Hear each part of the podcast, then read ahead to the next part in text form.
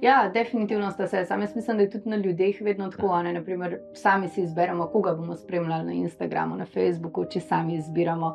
Um, in enostavno pač moraš imeti neko sito, čez katero vse skupaj spustiš, pa da vidiš, ali so to prave osebe, ali ti kaj prinesejo v življenje. Ali dejansko ti grejo na živce, pa jih spremljaš samo zato, da imaš pol grdo za njih govoriti.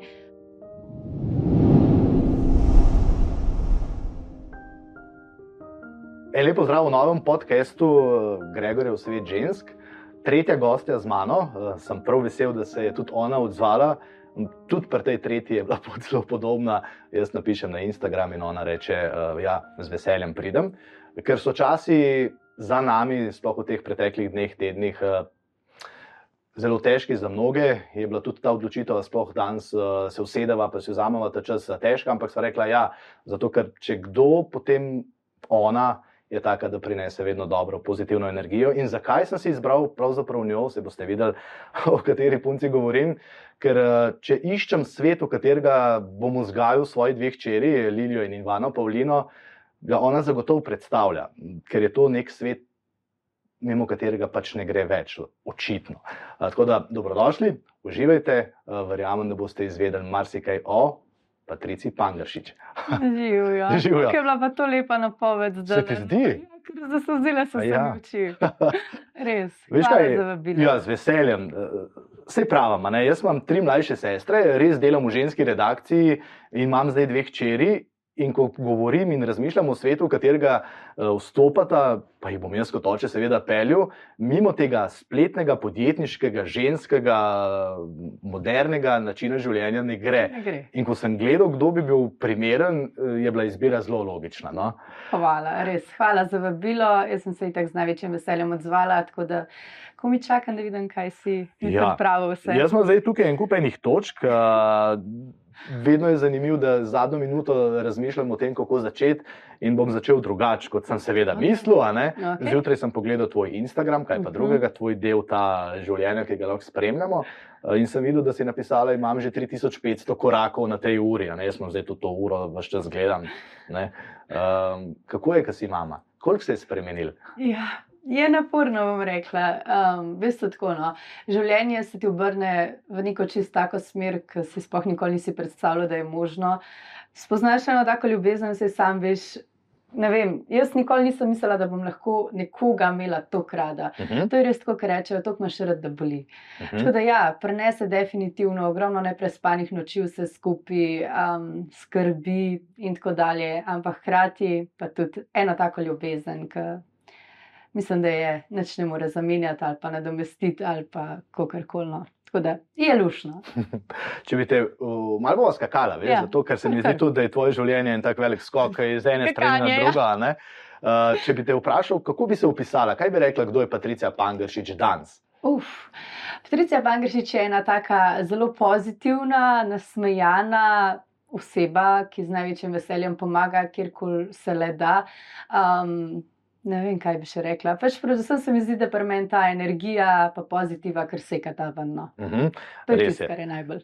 uh, okay. Zdaj bom tako začel. Ti si bila in si še vedno, seveda, osebna trenerka. ne? Je tako. In potem si ti kaj razmišljala, da samo to, da daš ta svoje znanje in da treniraš ljudi, ni dovolj za tvojo kaj podjetniško žilico.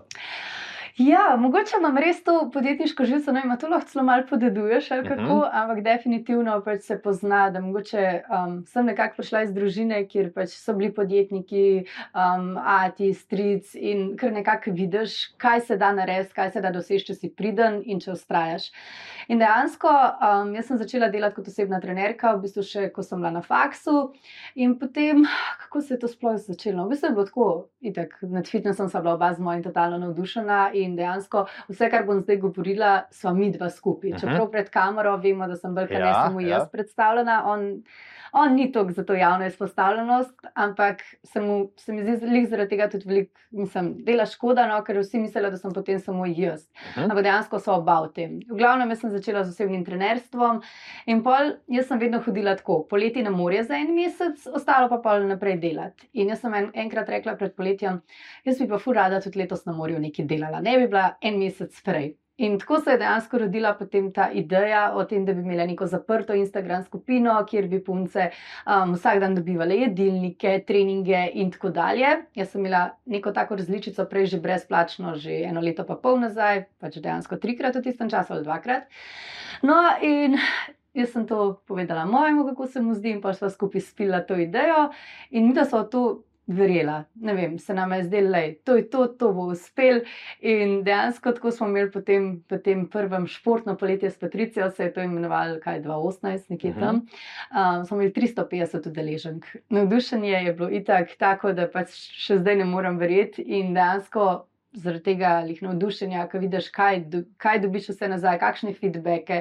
Že takrat so punce delale take spremembe, Popraševanje je bilo ogromno, se bo to še kdaj zgodilo, ko mi zdaj sem zasledila, ne vem, to so pol pisale še par mesecev kasneje.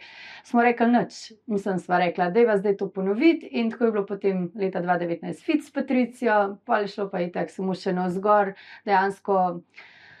To krizno obdobje same korone in vsega skupaj je šlo nam takrat kar precej na roko, ker mi smo imeli online že zelo razvit prej uh -huh. in potem je šlo to samo še pač med samim tem obdobjem um, navzgor, ker itak vemo, da so se navade zelo, zelo v tem času spremenile. No, in zdaj tisti, ki morda ne vedo ali Ja. pa te ne poznajo, mislim, da imaš 131 tisoč sledilcev na Instagramu. Ja. To sem pogledal. Po no. moje, ja. Ja, um, tudi za tiste, ki ne vedo, koliko je to, to je ogromno. Za slovenski Ja. trg je to full velik. Uh, a je to pomagalo, da si imela že na začetku toliko velik sledilcev, ali, ali pa bom drugače vprašal. Veš, ti imaš v Sloveniji kup influencerjev. Ja, ja. Ne vem, ene prodajajo oblačila, ene ne vem, se pač kozmetiko in tako naprej. Ti si pa začela prodajati sebe kot produkt. ja. Je šlo to v roki? Ja, v bistvu to je bilo tako. Um, jaz nisem imela nobenih socialnih omrežij, no to leta, leta, ne vem, deset let nazaj. Pol pa um, sem začela hoditi v fitness in ene par kolegov je bilo tako, pa kolegic, ko so bile, da je Petrica, zakaj nimaš ti vem, socialnih omrežij, Instagram, Facebook, blog je bil takrat ful popularen, uh Mhm. -huh. um, pa bi ti tudi malo delila še svoje znanje še naprej. Ne? Ni treba, da sam ne vem, nam pomagaš in tako dalje, da še to malo deli naprej. In dejansko, ko sem se jaz spomnila, ne vem, kaj je bilo to 2014, 2015, tam nekje sem si naredila Instagram, pa v bistvu Facebook, Facebook page najprej. In pa sem začela objavljati preproste stvari, nek recept, um, nekaj izseke iz treninga. In jaz mislim, da je bilo ključno to, da sem bila zelo, zelo hitro prisotna na Mhm. socialnih omrežjih. Takrat trg ni bil prenasičen s tem. Um, enostavno ponujala sem takrat, mislim, se še vedno. Kvalitetno vsebino ni bilo kar neki, ljudje so me dejansko spremljali, zaradi tega, ker, oziroma me spremljajo, nas je pač moram isto še zdaj, um, ker nekaj dam, ker ni samo uno, zdaj pa dajte vi meni to, to, to, ampak jaz nekaj dam in ljudje nekaj na koncu odnesejo od tega. To se mi zdi itak ključno, da si ti toliko časa lahko na sceni, ker se, če gledamo, na, mislim, zdaj za leta nazaj, koliko časa dejansko sem že v tem socialnem, nisem svetu socialnih omrežij. Tako da, ja, pol pač dejansko je rasel vse skupaj. In v bistvu, ko smo mi, ko smo mi dva no, začela s tem prvim nekako brezplačnim izzivom, sem imela jaz po moje okrog 5-10 tisoč ljudi na Facebooku, kar pač za današnji čas. Je pa ni velika, ne se vemo. Pač zdaj, če imaš pravo publiko, je velika, ne, če pa nimaš prave publike, pa ni velika. Ampak jaz sem bila takrat res samo tiste, ki jih je to res zanimalo, ki vsebina jim je bila zanimiva, ker sem jo jaz delila, so nekaj koristnega odnesli od tega. In tudi na Instagramu, potem, jaz ne vem, po mojem, je bilo to okrog 20 tisoč, 30 tisoč sledilcev, ni bilo to zdaj, niso bile take številke, kot so danes. To je potem postopoma, postopoma smo rasli do te številke, kjer smo danes. In dejansko. Potem, ko vem, je bilo toliko uspešnih programov za nami, se vemo, dober glas je že v deveto vas. Mi še zdaj največ novih udeležencev naših programov od akademije dobimo od ust do ust. Aha. Ne, ne preko ne vem, Facebook oglasov, ne preko um, Instagram oglasov, ampak od ust do ust. Uh -huh. In se mi zdi, da to je šlo pa v bistvu vse skupaj no, z nekako z roko v roki. No. Ko so se programi delali, takrat vedno je pač bum, tudi meni profil hitrejše raste, ker se ljudje pogovarjajo, le jaz imam pa te recepte, ful so dobri in ja, gre vse skupaj z roko v roki. No. Še zdaj bom dodal prej za vse tiste, ki ne vedo. Ne, Ja. ne samo teh 130 tisoč eh, sledilcev, pa da imaš eh, 11, a ne boste šli Ja, zdaj zdaj je akademijo. enajst. Ja. Jaz sem si zapisal, eh, moramo vedeti, da si ti zelo uspešna. Da tukaj zdaj ne govoriva samo o tem, koliko ljudi te hod, ampak ti s tem živiš, Ja. služiš, dobro služiš in to je ok, se, Ja. da ne bo zdaj kakšne uh, pomote. Ampak, kot si rekla, ti si začela 2014, to zdaj v bistvu vstopaš v deseto leto Ja. tega dela, uh, stara si pa 28. Ja. ne?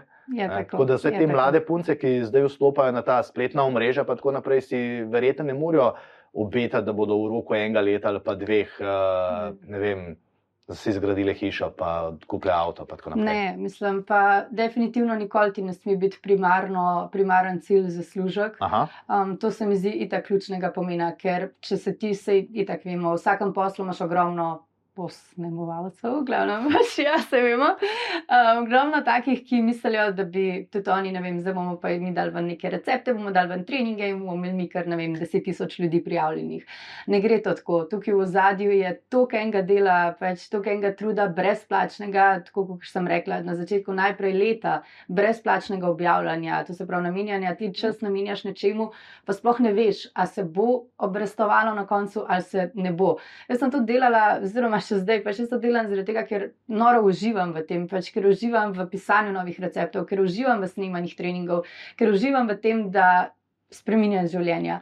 In dejansko potem, to se pravi, po teh poletjih brezplačnih, brezplačnega objavljanja vsebin, um, brezplačnih teh izzivov, šele potem prideš na neki, da pa dejansko mogoče lahko nekaj se obrne, pa da vidiš, ok, mogoče pa moj hobi ne bo samo hobi, ampak lahko postane tudi konc konca moj posel. A te kdaj skrbel, da ne bi mogla plačati položnic? Naprimer, rekla si, moj oče je bil uspešen, pa stric, Ja. ja. pa tako naprej. Ok, si imela neko zaledje, pa so rekli, verjeten, Patricija. Porobaj, pa ti bomo pomagali. Ampak je bil kdaj dan, ko si rekla, hej, viš kaj, mogoče ne bo mogla plačati. Ne, v bistvu, kako je bilo v najno idejo, nobeden ni verjel, popolnoma Aha. nobeden. Tako da pač pri nas mogoče. Ne vem, najni vsi so bili še mal stara šola, kar se tega tiče, in zaradi tega sem jaz tudi pač dokončala potem faks, dobesedno samo zaradi staršev, ker je bilo ne pač najprej eh, izobrazba, potem pa redna zaposlitev, da imaš ti varnost. Tako da to je bilo vse, kar je bilo pač pri nama doma, kar sem midva poslušala in popolnoma noben ni verjel v najno idejo, samo midva sva verjela, da enkrat mogoče res to lahko rata posel iz tega. Um, ko sem v bistvu tudi eno objavo enkrat napisala, bila sva dva mlada fitneserja, ki so se jim vsi smejali, kao, kaj boste pa vidva naredila. Se res, veš, zato ker to, kar Ja. ja. ste vi naredili, jaz sem pa še starejša šola kot ti. Jaz sem iz tistih časov, ko smo na videokasetah videli te treninge, Ja. ki so v bistvu tudi na televiziji vrteli, tudi recepte. Se veš, Ja, to ni ja. nič novega, kar si ti naredila. ne, ampak Sam spravila si na Facebook. Ne? Ja, točno to. In dejansko um, mi dva sva, oba sva delala pač poletno delo, jaz sem delala v domačem podjetju, v proizvodni za trakom, enako kot pač vsi ostali, ki Mhm. smo bili v podjetju, nisem bila nič drugač. Um, enako moje delo v proizvodni um, in v bistvu sva dobesedno do najnega zadnjega centa sva vložila v najn prvi projekt, ko so bile pa neke e-knjige, to se pravi. Tekom, ko sem jaz delala osebno trenerstvo, pa že prej naredila licenco, so potem v bistvu najmanj prvi izdelek so bile e-knjige, v bistvu, to so bili neki vodiči za prehrano, vodiči za treninge. V bistvu sva na enem mestu v teh treh e-knjigah združila vse tisto, kar je nama manjkalo, ker sva se midva začela s fitnessom ukvarjati. In jaz to nam nikoli pozabila, pač je tako vložek, ne vem, pač 500 evrov snemanja, potem spletna stran 1000 evrov, recimo vložka na koncu je bilo 2000 evrov. Za dva mulca, stara, vem, 20, 21, 22 let, je bilo to toliko denarja, da mislim, ogromno denarja. In mi, da so se pogovarjala, ne vem, ob šestih zvečer smo lansirali potem te e-knjige v prodajo in da so se pogovarjala, bo mi da sploh eno e- e-knjigo prodala, a bo sploh dobila povrnen vložek nazaj. Koliko je bilo prodanih? Oh, ne vem, čez več kot tisoč, no, ampak to so bili res čisti začetki, pač to je bilo, ja, dva.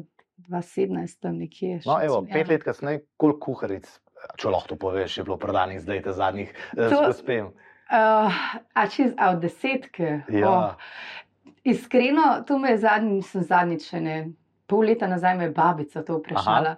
In pa sem prav mojemu napisala, da mora enkrat preračunati, koliko je bilo do zdaj vseh kuharskih knjig, pa vsega prodanih, ker iskreno presežem, da ne veva. Kaj rečemo, Um, 5000, 10 tisoč?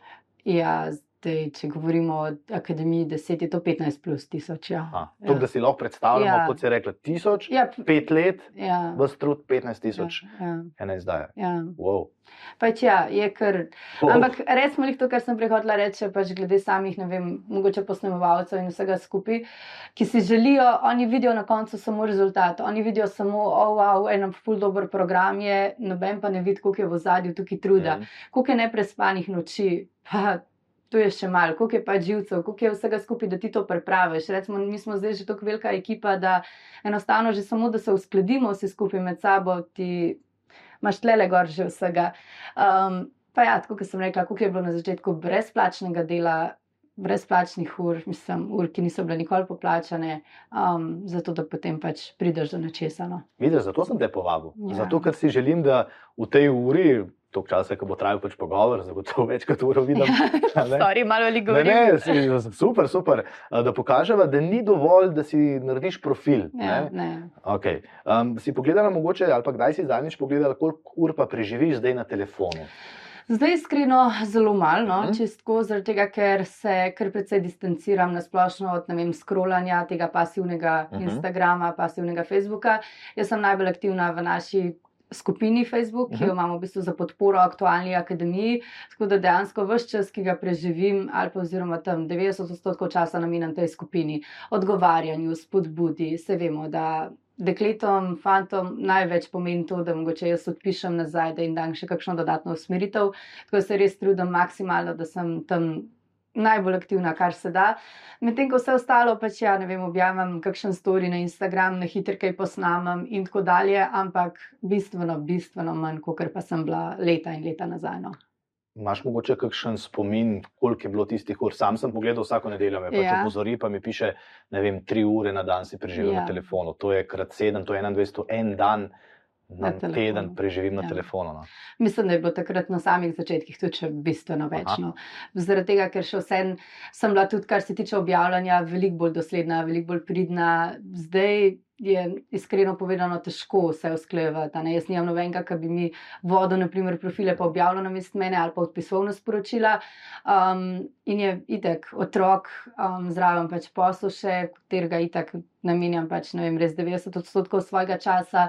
Um, plus, seveda, še pol svoje življenje, da si nekaj ne vem, za svojo dušo prvoščeš, je težko usklajevati pol vse skupaj in se mi zdi, da zdaj nekako neka taka baza je, še vedno se trudim, da jim dam maksimalno, kar se da, um, da jim dam tisto pozitivo in vse, ker pač v današnjih časih mislim, da vsi zelo rabimo. Hkrati pa. Še vsem se znam zdaj distancirati, bolj kot sem se mogoče včasih, no pač znam reči ne, zdaj pa če za me, pa za mojega partnerja. Uh -huh. uh, mal bi še ostal pri teh spletnih omrežjih. Ja.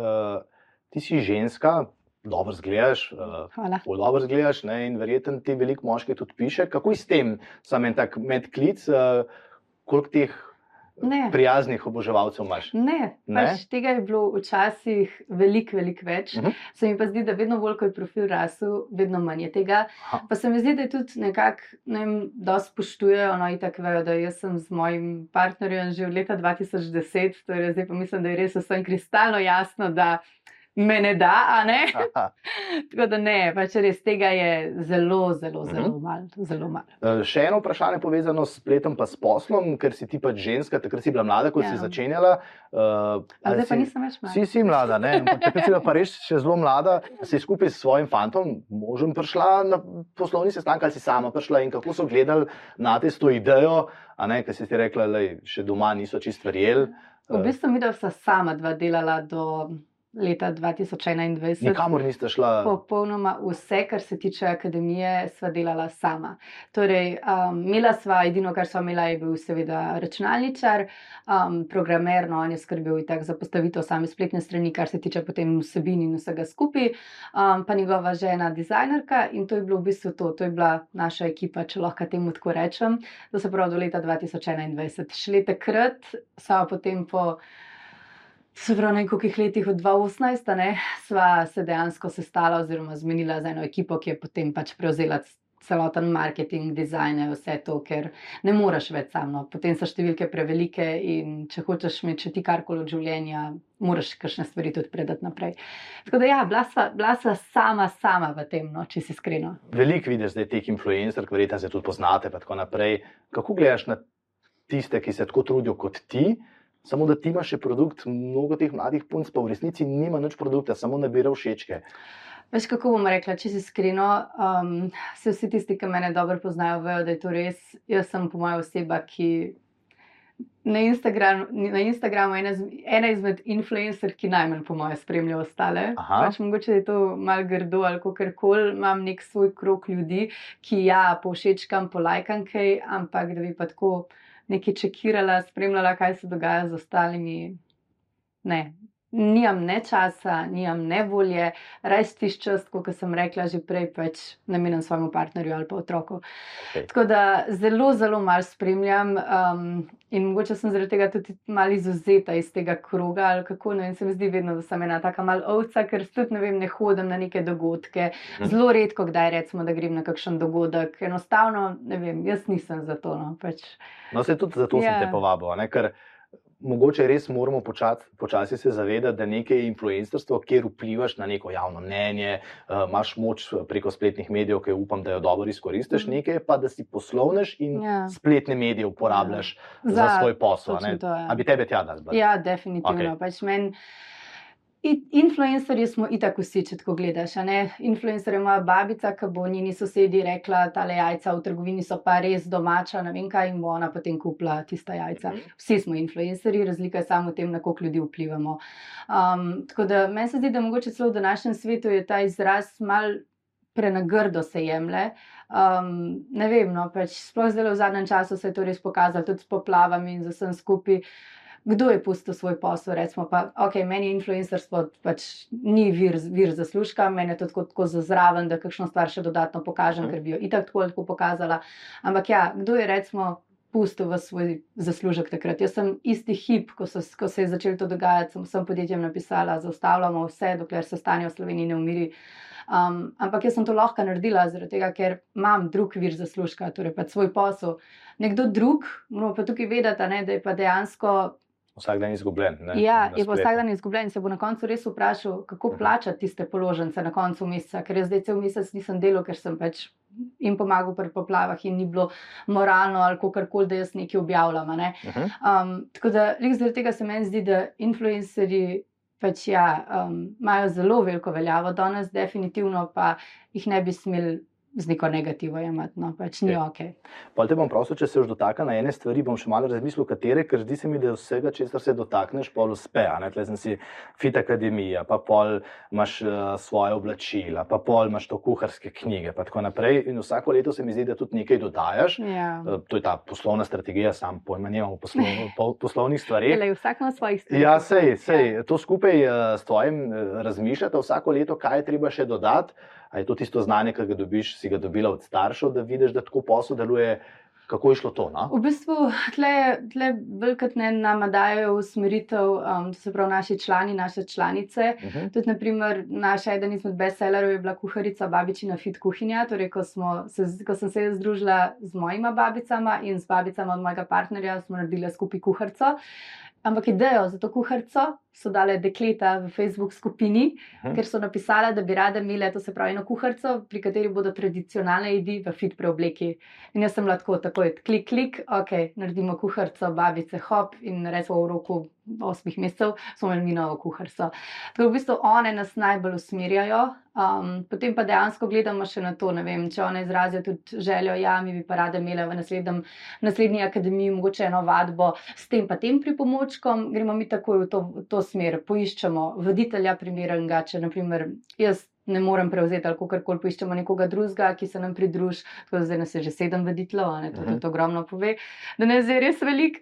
Um, in tako pa se nekako prilagajaš in loviš ta tok, da nekako pluješ in ne vem, da si nekje v vrhu. Ne? Moraš pa skozi neki noga ponujati. Tukaj ti ne smeš zaspati. Najslabša stvar je, da zaspiš. Mi, recimo, že za naslednje leto planiramo Mhm. pač vse, vse akademije, kako bo. Ja, vse tiste finese dorečemo polno in tri mesece, štiri mesece prej, ampak zdaj imamo groben plan narejen za naslednje leto, pa je avgust. Pri 28 letih zelo uh, dobre poslovne ideje uh, Ja, sprejemata. Hvala. Okay, zdaj se bomo malo usmerili v tvoje zasebno življenje. Okay. Zakaj? Zato, ker se to vse čas prepleta. Ja. Tako kot si sama rekla, in to tudi z vsemi deliš. a ne. To je- Ti si res odprta v tem pol, to če govorila. Uh, tvojega fanta, takrat ne, si spoznala 20, si rekla, Ja. a ne, v kampu. Ja, se v na- ta kampu, prvi ja. poljub je bil v kampu. Ja. E, in, Kamor še zdaj hodim. kamor še zdaj hodite, in tudi takrat so rekli, da je poletna romanca in ta Ja. poletna romanca traja. Ne? Ja, Ja, takrat so šla, rekli, da bo šla, ampak ja, ta poletna romanca traja. Ja. Zbral zdaj že 13 leto, Uh -huh. um, zaročena otroka. Tako da, ja, mislim, da smo se kar fajn. Veš, da je malo ljudi, ki najdejo prvo ljubezen in jo obdržijo do konca življenja. So ti kdo kdaj to rekli? Ja, velikrat, ampak jaz mislim, da naj je po mojem najbolj rešilo, ali kako naj eno zvezo, mogoče najbolj rešilo to, da um, on je štajerske bil, um, jaz iz, to se pravi, kamniškega konca in mi da smo se videvala samo čez vikende. Torej, čez teden sem imela vse čas, ko smo bila v gimnaziji, srednji šoli, tiste tri leta, no, konc prvega letnika sva skupaj šla, smo imela čez teden ne frej, ampak nisi ne tiščiš, ne tičiš skozi skupaj. In mogoče eden izmed razlogov, da grejo tudi na razen tako mladi, je to, ker so vse čas skupaj in se vemo, pač ne uh mhm. -huh. daš si prostora, ne zadihaš, mi da so pa imela ta čas za zadihati, da se oba razvijava, kako koli pač vsako svojo smer. Um, Dejansko potem, ko je pa moj prišel študirati v Ljubljano, pa so bila pa itak, ful več skupaj, ampak ne vem, preselila, potem smo se skupaj šele leta 2020 ja, 2020, to se pravi, tretje leto živiva skupaj in tudi vem, da to so ful strašili, oj, pota šla pa skupaj živeti, pota šla na razen. Jaz sem to vedela, da to ne bo tako, zaradi tega, ker mi dva vedno, ko so bila pa pol dlje časa skupaj, ne vem, čez poletje dva meseca, kako koli, mi dva sva se vedno še boljše razumela, ker sva mhm. skupaj živela. Tako da ja, je, je uspel in jaz upam, da bo to trajalo do konca. Ja, namen mojih podcastov je, da tudi, ko bodo punce ali pa mame poslušale, no, ali pa predvsem očetje, ne, da kaj pametnega izvemo. Ja. Zdaj, okrog te ljubezni, moram kaj tazga vprašati. Naprimer, danes vidimo, da se veze hitro začnejo, pa še hitreje končajo, ja. da je zelo popularen, da se ljudje ločujejo in bolj imamo res hude tragedije za otroke, in tako naprej. Kaj je tisto, kar je najbolj pomembno pri vaju? Kaj misliš, da je tisto, kar drži skupaj? Pogovor. Um, se mi zdi to ključno, no, pa tudi to, da, um, si, zna, da si moramo nekako vzeti čas zase. Um, Pri nami je sploh mogoče še malo tako, tako triki situacije, zaradi tega, ker so v istem poslu dejansko. No, to, in ja. recimo on ima svoje probleme, jaz imam svoje probleme in zelo hitro lahko krešneš, pač zelo hitro, pač se in tako je razumljivo, da se skregaš, se tudi skregati se moraš, moraš da te ven kar čutiš. Eni pač dajo z nežnejšim pogovorom, drugi se mal zderajo, kako kar koli. Kaj vi, da greste pa na fitness? Ne, mi da se malo zderava ena drugega, pa je to, to pa gremo pa dalje. Okay. Pa li tako moraš komunicirati, ker moraš delati skupaj. Okay. Um, tudi jaz mislim, da je pogovor tisti, ki je ključen. No. To pa pol pač tako se vemo. Vsaka zveza ima mogoče malo tiste ups and downs, oziroma obdobje, ko se malo hladiš, obdobje, ko se spet malo bolj zbližaš skupaj. Naprimer, pri nami je sigurno akademija vedno eno, eno tako obdobje, ko se mogoče mečkano hladiš, ker konc koncev takrat si bil kaj poslovni partner. Um, recimo 90 odstotkov dneva sediš za računalnikom, pripravljaš neke vsebine, ok, se zraven še ukvarjaš z otrokom, zdaj pač to še mogoče še na kvadratu se skupaj pač zaradi otroka, ne se je razumljivo, ker moraš nekomu drugemu posvečati svoj čas, ne sam partnerju. Um, in potem recimo po vsaki akademiji, ali si prvoštva mogoče kakšne par dni oddiha ali kakorkoli, nekaj tazga, kar je res samo za naju, zaradi tega, da spet se zbližaš nazaj. Ker če se ne zbližaš nazaj, pa pač vemo, da gre to samo še na vzdolane.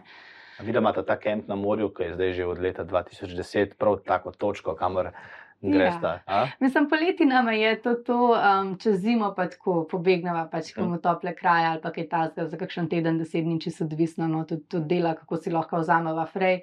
Um, naj v potovanja ful zbližujejo, oba rada potujeva in to je res nekako, se mi zdi, da tam odklopva. No, pač, Vse vemo, težko je odklopiti, če si ti so na socialnih omrežjih težko je odklopiti, ker ti, ti posel nosiš kamorkoli greš sabo. To ni tako, pa jaz spustim vse doma in pozabim, ne pa če se tudi na dopustu odpisujem, vse take stvari urejam. Ampak še vse si pa mogoče izven Slovenije, izven vsega tega, ne vem.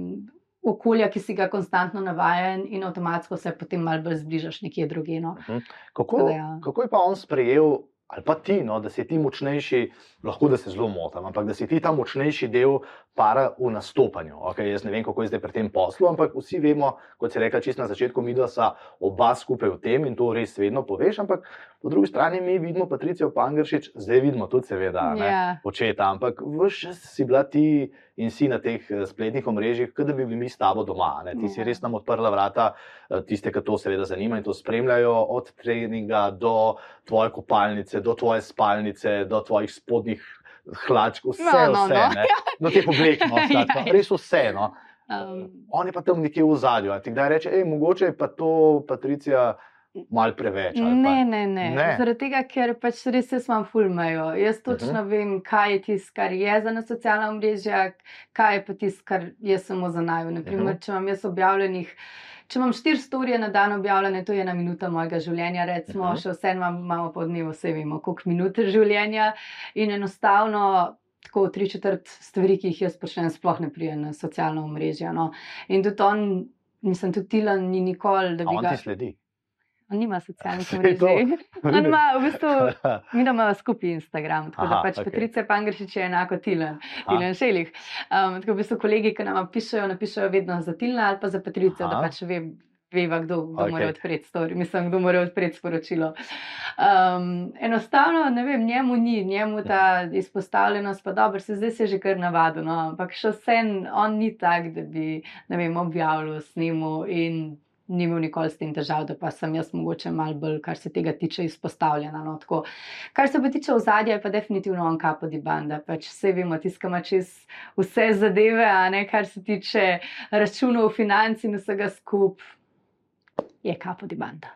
Veš, kaj, potem prideš vem, do slovenskega pojmenovanja fatalne ženske, Aha, ja, naprimer, ja. a ne? In pa rečeš, ampak kdo pa je ta fatalni moški, Ja, ja, tem, ki ga nikoli ne vidimo. Ne? A, Sej, se pravi, meni se zdi pač res, se mi zdita zanimiva, ker ja, tebe vidimo, njega praktično Njega ne. ne, dokler ni zdaj postal. Ja. Ja. Taka skrbi za gradnjo novih hiš, Ja, pa za, ja. seveda za sina. ne. Okay, še eno vprašanje, povezano malo s temi spletnimi stvarmi uh, pri oblačilih. Ja. Veš, jaz sem zelo neuk, kar se tega okay. tiče. Meni se tudi beseda haul, ali kako se to. Haul, no, vidiš to. Ja, mi rečemo, aha, ja, to je to nekaj Ja, imate, ja, ne? Okay, to pač pogledamo, jaz tam nič ne kupujem. Kako to deluje? A je tukaj pa zdaj pomembna tvoja učinkovitost pri prodaji, a je tukaj pomembno, koliko imaš ti sledilcev? To sprašujem zato, ker si tudi tukaj zelo enostavno si to razlagamo, ker je en kup enih slovenk in slovencev, um, ki prodajajo preko spleta oblačila. No? Ja. Um, zdaj, če govorimo o samih fashion holih, ne tako je v bistvu. Um, Prva stvar, ki v bistvu bi jo jaz tudi pri influencerjih tako nasplošno izpostavila, pa jo vedno izpostavim, je to, da mi drugače nismo prodajalci za vse te stvari, Mhm. ki jih predstavimo. Mi smo samo pač enako kot se.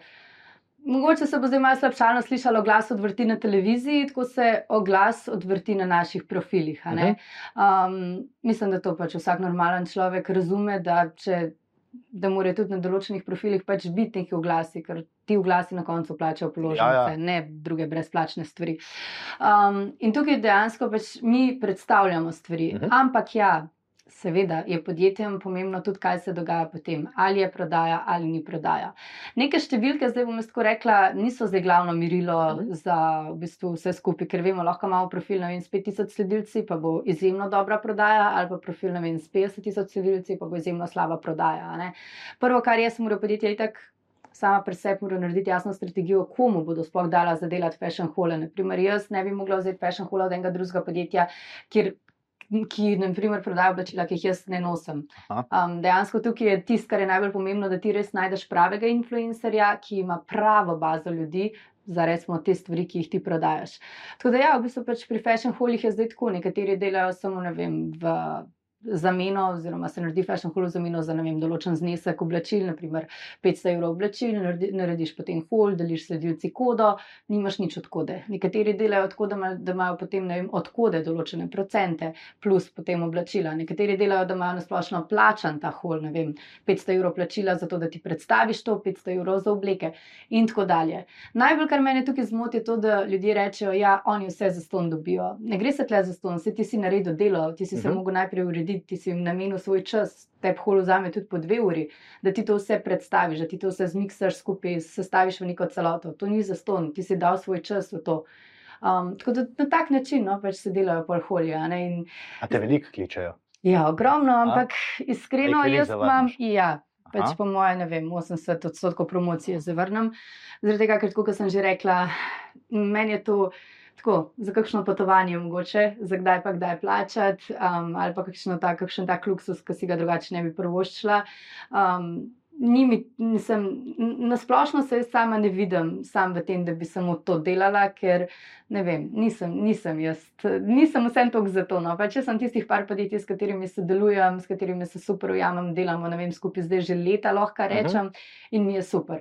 In se mi niti ne želim širiti v vse vode, ker se mi zdi, da če si preveč na vseh področjih, pa spet ni ok, a ne. Moš neko rdečo ni držati. Veš, to sem te mogel vprašati, ker sem si to tudi zapisal, ne, ta Aha. oblačila. In potem reče Patricija, dobro, zdaj me nekaj kličejo, pa mi ponujajo, kaj če bi imela jaz svojo lastno. Ja, znamko oblačil. možno, ja. Pač zdaj tako, um, Jaz, če si iskreno, se tako, kar se tiče, vem, mogoče zdaj, če povežemo šport, patricija, športna Mhm. oblačila.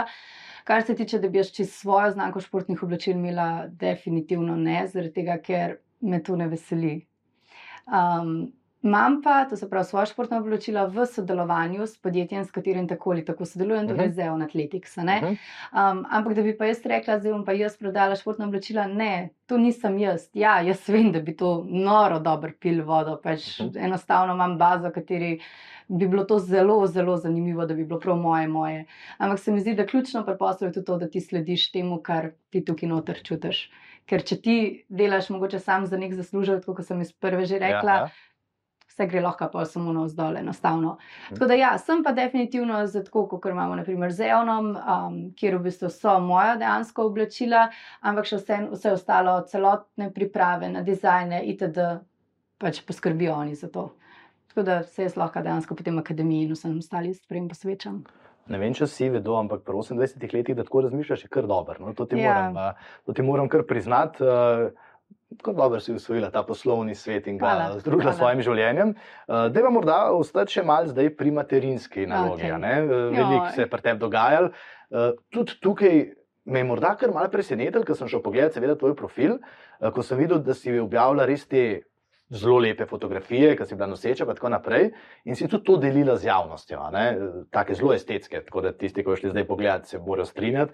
ne. Uh, kako to, da greš pa tukaj toliko daleč? ne? V bistvu tako je, pokazala nisem popolnoma nič.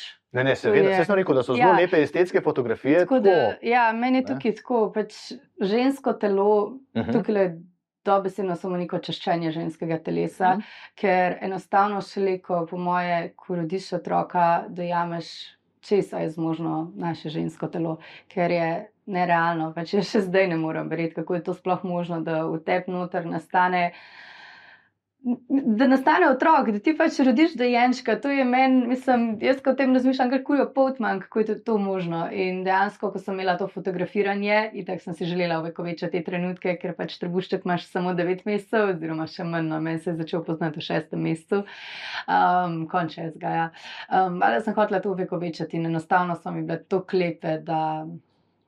Ne, zakaj pa ne? Pokazala nisem popolnoma nič, um, so narejene kvalitetno, ni to Mhm. zdaj ne vem kaj tam na neki. Ti si v bistvu ena taka promotorka ženskega ponosa, pa tega, Ja, kar si rekla. a ne? Ja, jaz bi tudi temu tako rekla.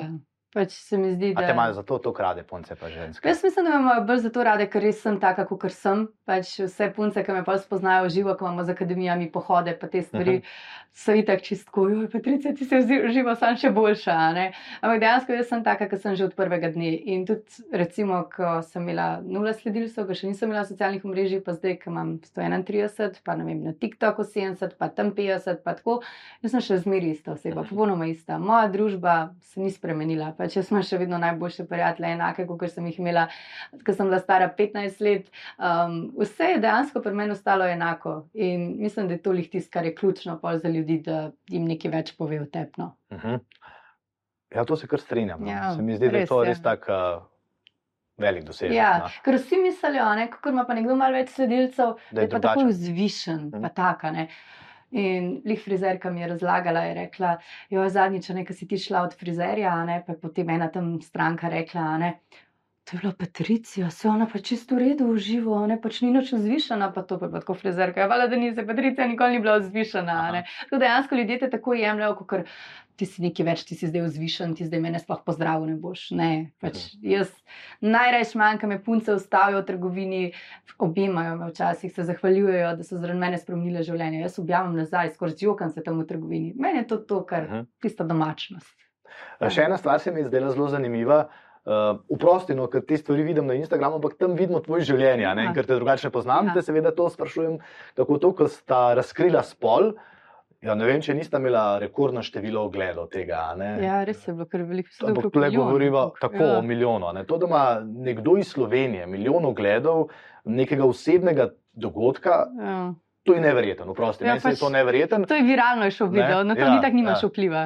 A to ste se zelo pripravljali na to, da ste pa tako naredili, ker tudi zgledali je tako, ne? tako kot zgleda pač vse pri tebi, Ja. ja. domišljeno, na koncu je bil tudi videl posnetek, tak in tako.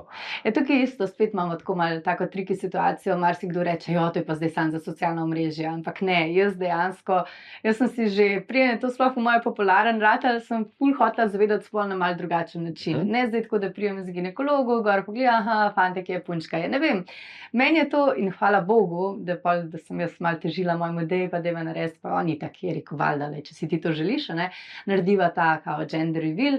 Rekla sva povaba vse najboljše prijatelje, najboljše kolege, um, družino in da bomo imeli eno tako malo presenečenje. Tako je bilo presenečenje za vse, tudi mi dva nisva vedela. Mi dva so samo. Ja, nista prav, Ne, tudi on. Ne, ne, aha. nobeno naj ni vedel. Okej. Okay. Mi dva sva dobila nifti rezultat. Sem jaz to poslala pač Nikiti iz Party Shopa, ona je pripravila vse, torej od Aha, balonov do okej. vsega skupaj, poskrbela za to dimno bombo, ki smo jo potem užgali. To mi dva nič nisva vedela. Mhm. In tistih deset sekund, ko smo mi odštevali, to v meni je tako delalo, no, ter sem bila tako, ojoj, kako dober, pač res take občutki, ono, ko pričakuješ, pa itak si vesel, karkoli je, samo da je zdravo, vse to vemo. Mhm. Ampak če lahko še malo popestriš, zakaj pa ne? ne? Pač nama je bilo to. To je bilo delano za naju, to je bilo delano za najne prijatelje, to je bilo delano za najno družino. Mhm. In na koncu je to ključkano vse skupaj izpadlo, zakaj ne bi tega tudi delila. Vsej, mislim, to je neko tako veselje, vidiš, kako je nekdo drug vesel in se mi zdi, da potem to sam še sproža veselje tudi pri ostalih. ne. Pri večini, seveda, pač sej nikoli ne more biti za vse enako, nikoli Ja. ja. z istimi čustvi ne No, morejo vsi tukaj- dojemati določenih stvari. To si mi zdaj dobro, si me Ja. Včasih vidim Patricijo, ki tudi kaj odgovori, kakšni, ki v bistvu imajo seveda drugačen pogled na to. In tukaj zbiraš zelo pametne besede. Se mi zdi, da ja. Daš tako nazaj, da my life, moje življenje, moja odločitev. Ja. Kako odpišeš? A to odpiše Tilen? Kako Ne, gre? to odpisujem vse jaz. Um, ne vem, jaz se mi zdi, da znam na tak nenasramen način povedati mogoče neka dejstva. Um, Se, se mi zdi, da je to ključno. Ne? Ni potrebe, da se ti nazaj zadiraš, pa kregaš tam z nekimi neznanci, ki jih sploh ne poznaš. Ampak ne vem, enkrat pa se jaz tega tako malo dobim, moram prav potrkati, tako da bi rekla nekih negativnih komentarjev, zelo, zelo malo. Ne? Ampak recimo ena se je enkrat upiknila v to in rekla, joj, tukaj imate mehkega otroka, pa kar skozi okrog hote. a ne." Pa sem bila tako, prvič, to je moje življenje. Ne? Pač jaz, recimo, jaz sem bila tako navajena skozi živeti. Jaz ne morem mojega zdaj življenja spremeniti, uh -huh. jaz ne Mhm. morem zdaj posla zamenjati, zaradi tega, ker sem pa otroka dobila. Se, se razume, ne? moje življenje mora iti naprej. In otroku. Čist nič ne manjka. Tudi če gre z mano kdaj na kakšno snemanje, pa ga tam le ne vem, uh, ga kolegica ima malo v naročju ali pa tako dalje. Čist nič mu ni. Nič ni to slabega, kvečemu dobro je. Aha. On je tukaj navaden ljudi, smeji se posod, ni ga strah, tudi ne vem, uh, prijateljca mojim v roke, nič, nič, nič. In se mi zdi, da to je kvečemu dobro za njega. Tako da, ja, se mi zdi, da znam na en tak način postaviti tisto mejo, do kam lahko vpliva mnenje, oziroma ali mi sploh lahko podajo na kakšno stvar mnenje, ali mislim, kje je tista meja, vse vemo. No, No, neka to- meja to me zanima. biti. Ja, Aha. neka meja mora biti. Pač, ja, to je moje življenje, to so moje odločitve. Če te tako ne paše, v redu. Um, jaz tudi marsikdaj vidim kaj, pa bi čist kontra naredila. Pa nikoli v življenju ne pomislim, da bi šla pa zdaj to pisati, jo jaz bi pa to čist drugače naredila. Mhm. Pač ja, v redu, nekdo je tako naredil, nekdo se je tako odločil. In jaz si ful želim, da bi bilo ful več tega sprejemanja, nasplošno pač v Sloveniji in vse skupaj, ker se mi zdi, da zelo hitro ljudje kar čutijo, da moramo pa mi to komentirati, ker bi drugače naredili. Niti treba komentirati, pač nekdo se je tako odločil, nekdo je tako naredil. Konc. Tako da tukaj znam postaviti mejo. No. Še, zdaj bom pri tej meji, se mi zdi Ja. tudi zanimivo. Ne? Ko si dobila sinčka, tudi njega objaviš. Ja, Uh, zdaj bom dal sam svoj pogled Ja. na to. Jaz sem enkrat rekel, nekaj prebral Ja. in se strinjam, ampak to je pa Ja, moje ja. življenje. Zdaj, ko škaj, otroci bodo imeli svoje življenje, mogoče jih jaz svojih črk Ja. zato ne objavljam ali pa to. Uh, Ker pa vem, kaj se bo stalo, da mi na to pol enkrat reče, da je oči, kaj smo ti tle objavljali, kakšna sama. Kako na to ti gledaš? v bistvu jaz kako na to gledam. Um, zdaj, ko je taj še tako mečkan, dejansko on se bo tako spremenil, da čez 15 let njega nobeden več ne bo prepoznal popolnoma. Če bo potem več. se bo skozi smejal, bomo vedeli. Spis se že zdaj skozi, tako da ja. Uh, potem že, ampak vse ostalo, recimo vizualno, vse Mhm. vemo, dojenčki Ja. tam, pa sploh do ene, dveh, treh let se potem tako spremenijo, da jih ne prepoznaš. Tako da trenutno mi ga je še ok objavljati, trenutno jaz glede tega Mhm. nimam nekih zadržkov. Um, če bom pa enkrat videla, ne vem. Mogoče ne vem, ko bo star leto, pa pol dve, te pa pač ne več obraza, pa ne Mhm. bom več objavljala obraza. To sta se Ne kaj vem. s uh, Tilnom pomenila? Ja, v bistvu smo se med nosečnostjo že Mhm. pogovarjala, kako Mhm. bova, bova objavljala, ne bova, in dejansko sva rekla, da ne veva, ker nismo niti vedela, kakšno Ja, ja. mislim, kako boš čustvi, kako pač dejansko, kako bo in sva rekla, le, deva počakati in potem, ko se je rodil, pa so bila oba tako, ja, ne, ja, ok, to je bilo to. Pač ni bilo, nisva se zdaj tako neki spuščala v neke podrobnosti vsega skupaj, tako kot se mi zdi, kot si ti rekel. To je tvoja odločitev, jaz ne obtožujem tebe za Ja, te ja, no. odločitve, ti ne smeš obtoževati mene zaradi te Mhm. odločitve, vsak se odloči za svojega otroka oziroma zase na splošno, tako kot si sam želi. Um, tako da ja, bomo videli. No. Zaenkrat mi je še ok, da ga pokažem, če mi pa enkrat. Čez dva meseca to ne bo več, ga pa ne bom več pokazala. Mhm. Prepoznal sem, tudi ko imaš, kdaj slišimo, da ja, pa pol takoj vejo o tvojem otroku, kaj narediti. Pa to, tisti, ki hoče, ki bi hotel mojemu otroku nekaj narediti, ga bi tako ali tako najdu. Sej, ne morem z otrokom po cesti hoditi z vrečko na glavi. Ja, tako ja, da no. pač, ja. um, kar se pa tiče ostalih stvari, pa ne vem, iskreno ne vem. No, tako. Mhm. tako sva se odločila, bomo videli, kaj bo. Ne, zdi se mi tako Ja. zanimivo vprašanje Ja, današnjega ful, časa, ja. ko res pač v bistvu vse objavimo. ne. Še ena stvar povezana z otrokom, s telefonom in s Patricijo. Kakšna mama si, ko hodiš in si vozila uh, taja v vozičku, si gledala telefon ali. Uh, Zelo redko, kdaj, Mhm. čisto iskreno povedano. Um, ne vem, pač ja, so bili tudi trenutki, ampak ne vem, jaz imam največ, kar se tiče na telefonu, odpisovanja in ti, ko voziš voziček, ki tako ne moreš odpisovati. Um, tako da ne, pač nisem tudi, ja, itak, daj, ki odpišeš, pokličeš in tako dalje. Sploh takrat, ko je zaspal, ko je bil še čist dojenček.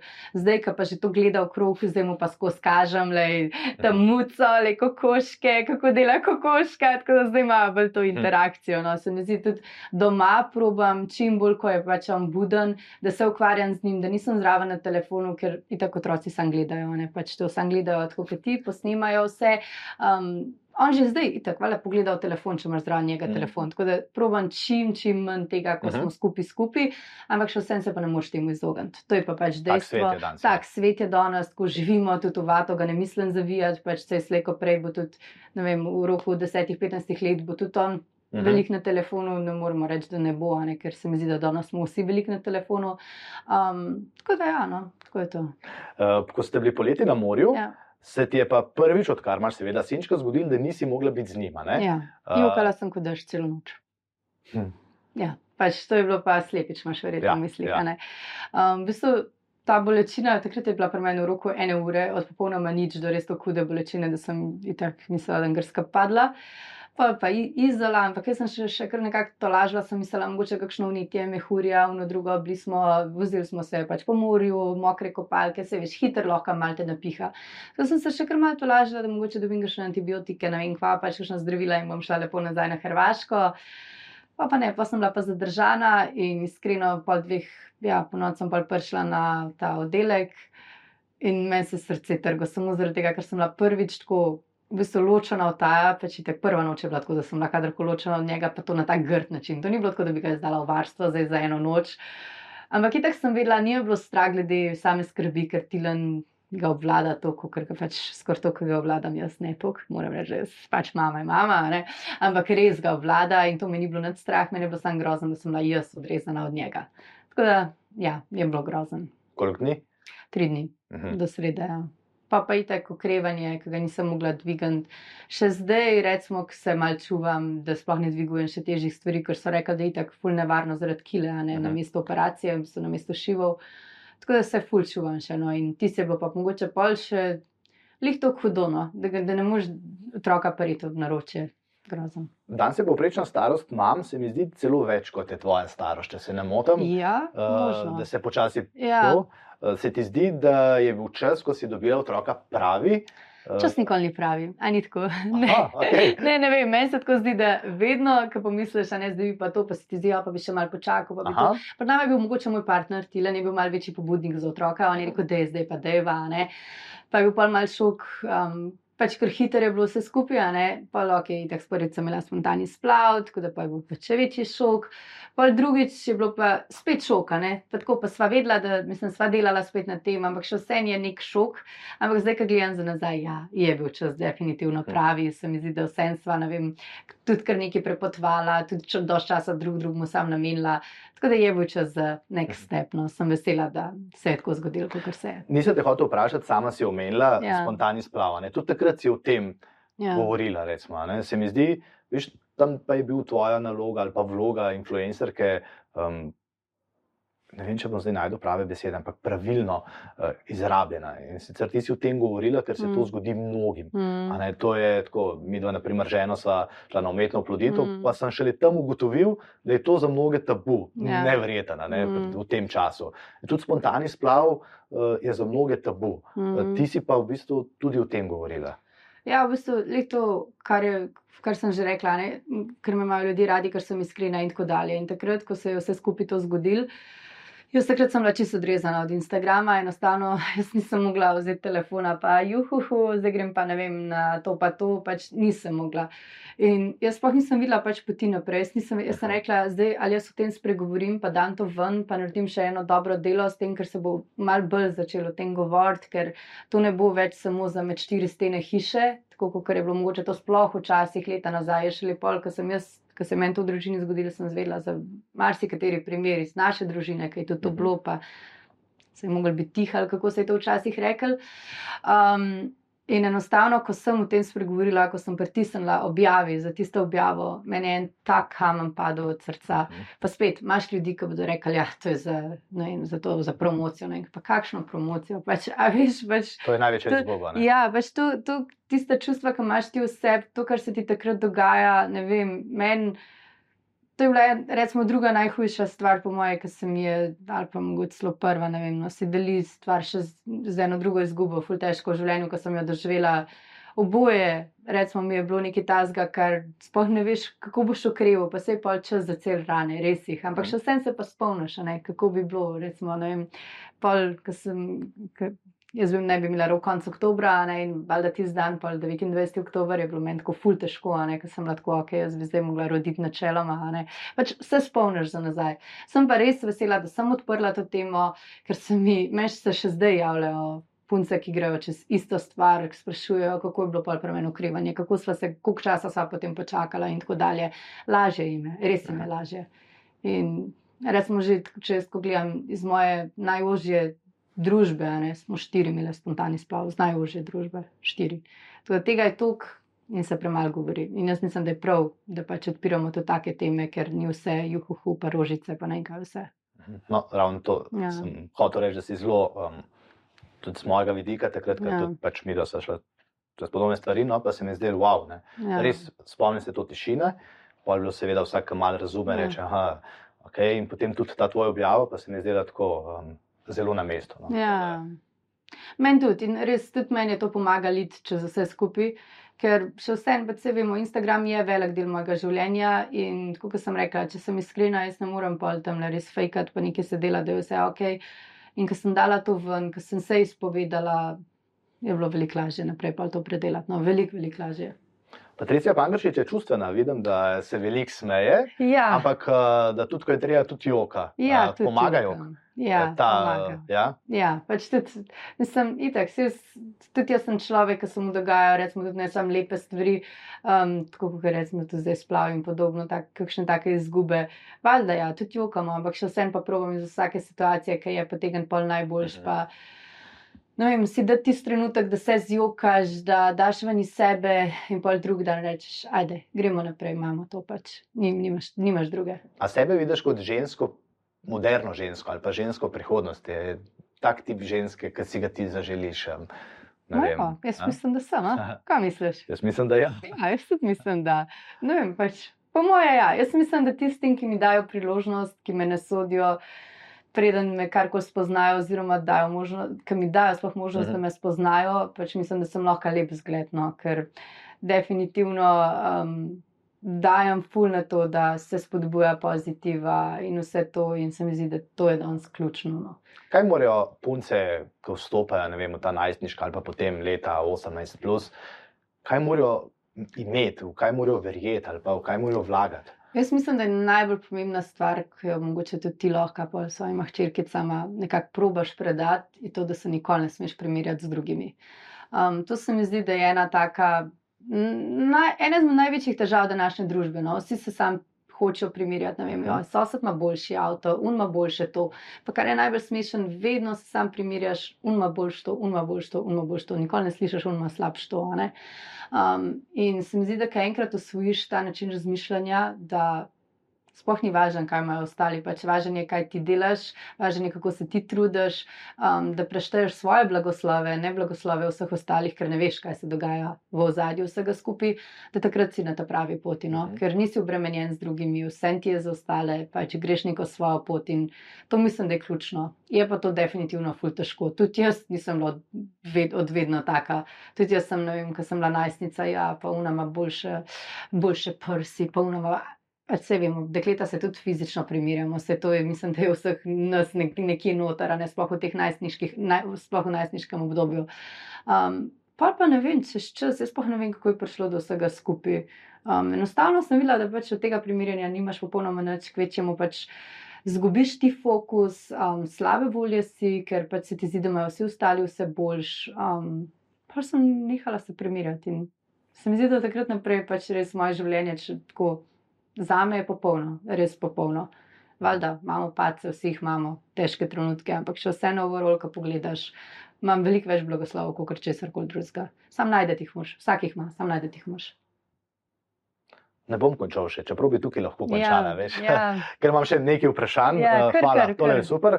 Uh, ko smo začeli, si mi ja. povedala za eno zgodbo, preden smo sploh prižgali kamere, eh, ker smo zdaj v tem času poplav, da ste tako odreagirali, ti si namreč doma tam, kjer ste imeli zdaj hude poplave. Uh, in se je zgodilo ravno to, na kar tudi mi zdaj vsi upozarjamo. Uh, da, kar povej, pa bom pol v bistvu iz tega izpeljal. No. Ja, v bistvu pač dobila sem sporočilo, da se po neki občini govori, da mi pomagamo tej pa tej osebi in pol pač samo v zadju vsega skupaj, da sploh ni stanje tako, kot je bilo upisano, ampak enostavno ti ne moreš vedeti, da ti pomagaš v dobri veri, da gre v prave roke. Um, tako da pa si malo šokirana, ne, mm. kako lahko dejansko ima nekdo brzda v tem stanju, oziroma pač v teh razmerah, ki so, ki so bile, lahko se okorišča na tak način. No. Res ti je grozno. Mislim, ker ti tega nikoli v življenju ne bi naredil, si pa misliš, da tudi drugi ne bi, ampak. Pa te še toliko bolj šokira, ko vidiš, da dejansko nekateri pa bi. Uh mhm. -huh. Tako ja, ni ok, res ni ok. Se mi zdi, da ne vem, sploh ne vem, kaj rečemo. Mi smo tudi dobili slike, vse smo videli, ne, kako naj bi bilo. Ne. Pravni stroj, ne vem. Ja, pa dejansko sploh ni bilo tako, ne, pač mm. čist kontra. Ampak jaz še vsem močno verjamem, da vse, kar smo še ostalo pomagali. Um, eni mamici sem tudi celje peljala, pač plenice, vodo, um, robčke, pač take stvari. Jaz verjamem, da je šlo vse v prave roke, pač res verjamem. Uh. -huh. In se sploh ne mislim zdaj več o tem, nekako nočem sploh več o tem razmišljati. No. Pač se itak še nisem zaključila daleč od tega s pomočjo. Vem, da še možnosti za pomagati bo zdaj še juhu, itak, ko se bodo nazaj, nazaj domovi začeli postavljati. Tako. Ogromno stvari se bo še rabljalo. Um, ker recimo zdaj, jaz iskreno fizično je bilo trenutno nemogoče. Moji vsi so bili 200 km stran, um, moj partner je tudi skozi delo, um, pač Tilan je do celju delo na Štajerskem in kam ne grem jaz s pol leta starim otrokom, tjale v blato, da bo še kaj, še on kaj fasa, se vemo, pač, kako je vse mhm. skupaj tudi nesnaženo. Tako mi smo pač pomagali, prov, mislim, provali, oziroma smo pomagali čim bolj fizično in s temi stvarmi, um, z donacijami, ker se mi zdi, da tudi to se bo pa še ekstremno, ekstremno rabil. Ja. Ta primer sem zdaj malo vam potegnil, zato ker je aktualen, predvsem ja. pa zato, da izkoristim tudi sam priložnost, no, da res rečem, pazmo vsi, ja. komu damo, predvsem pa res. Pismo, no, res ja. treba zdaj to izkoriščati. Ne? In zdaj, ker imaš pa ti toliko veliko ljudi, ki te poznajo, sledijo in tako naprej, uh, a se ti zdi, da je naša družba v redu? Zdaj bom malo obrnil, zdaj smo videli, kako smo stopili skupaj, ampak vse čas se najdejo take stvari. Ti si pa tak pozitivca. Ne? In se mi zdi, da, da uh, ti iščeš te uredne stvari, ti v bistvu spremenjaš vse, ne vem, tiskaj ima težavo s težo ali pa s kondicijo ali pa zdravjem ali pa tako naprej, ti ga nekam pelješ. Da se ti zdi, da gre naša družba v pravo smer. Zdaj bom najprej še, sam še z enim stavkom, z eno, sem navezala na prejšnjo stvar, ne, kar se tiče um, tega slabega primera. Ne. Jaz se sam želim, da recimo teh slabih primerov vedno so in vedno so bili, vedno bodo. Naj nas to ne odvrne Mhm. od pomoči ostalim. Drži. Pač, ker še vsem pa je 95% ljudi, ki pa resnično potrebujejo Ja. našo pomoč. Sam to še, da zaključiva Se prejšnjo temo.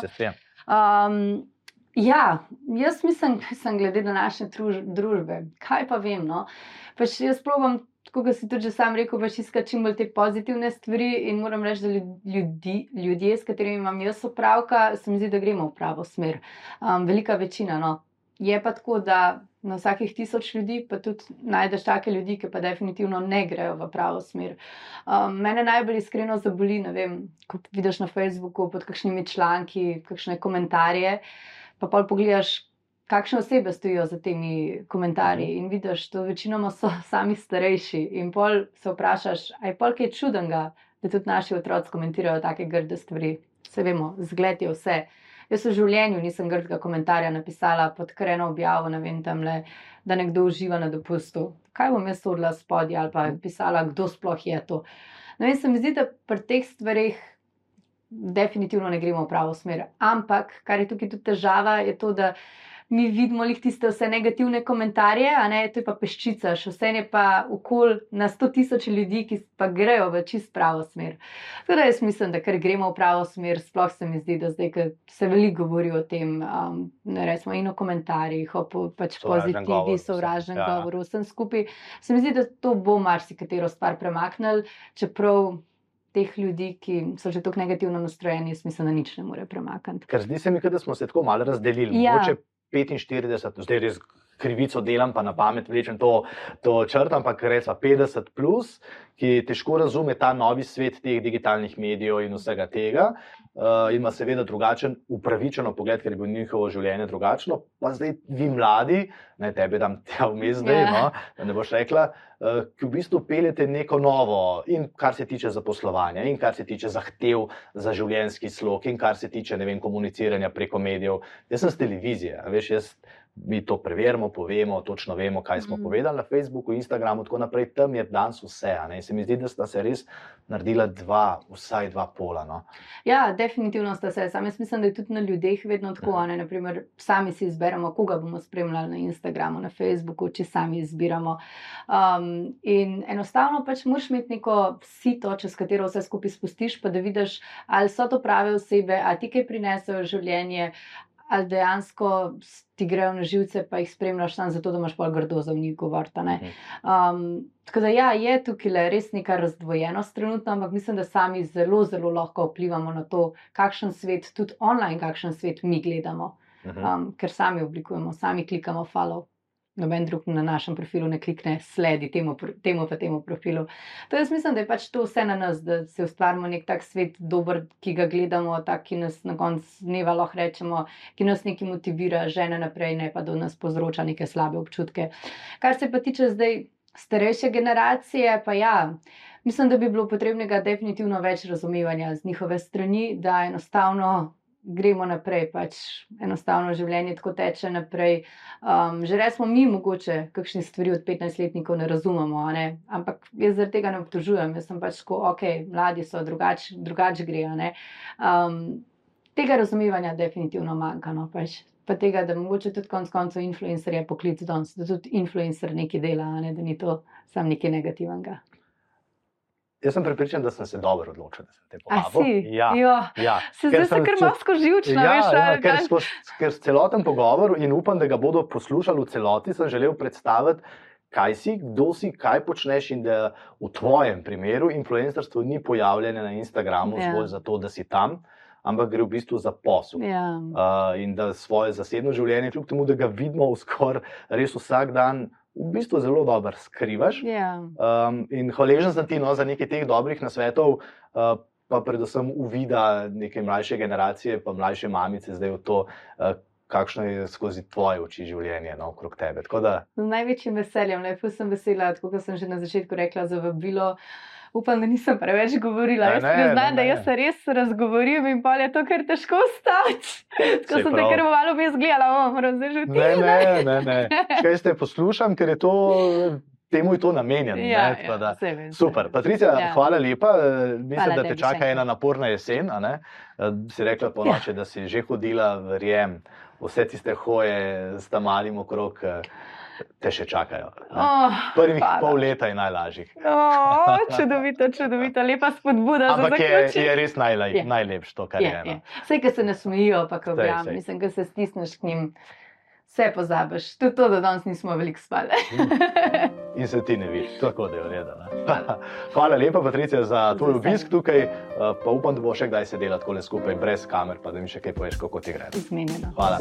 Vam pa hvala lepa, da ste bili z mano. Danes popolnoma drugačna gostja, kot je bila prejšnji teden ali pa v prvem podkastu. Uh, ampak se mi zdi, da moramo vedeti, kako deluje populacija, ki je mlajša od mene, te mlade mamice, ki imajo posel, imajo idejo in predvsem zato, vse ste videli, res veliko delajo, kljub temu, da se nam včasih zdi, da bržgajo samo telefon. Hvala, da ste bili z nami, pa se vidimo naslednjič.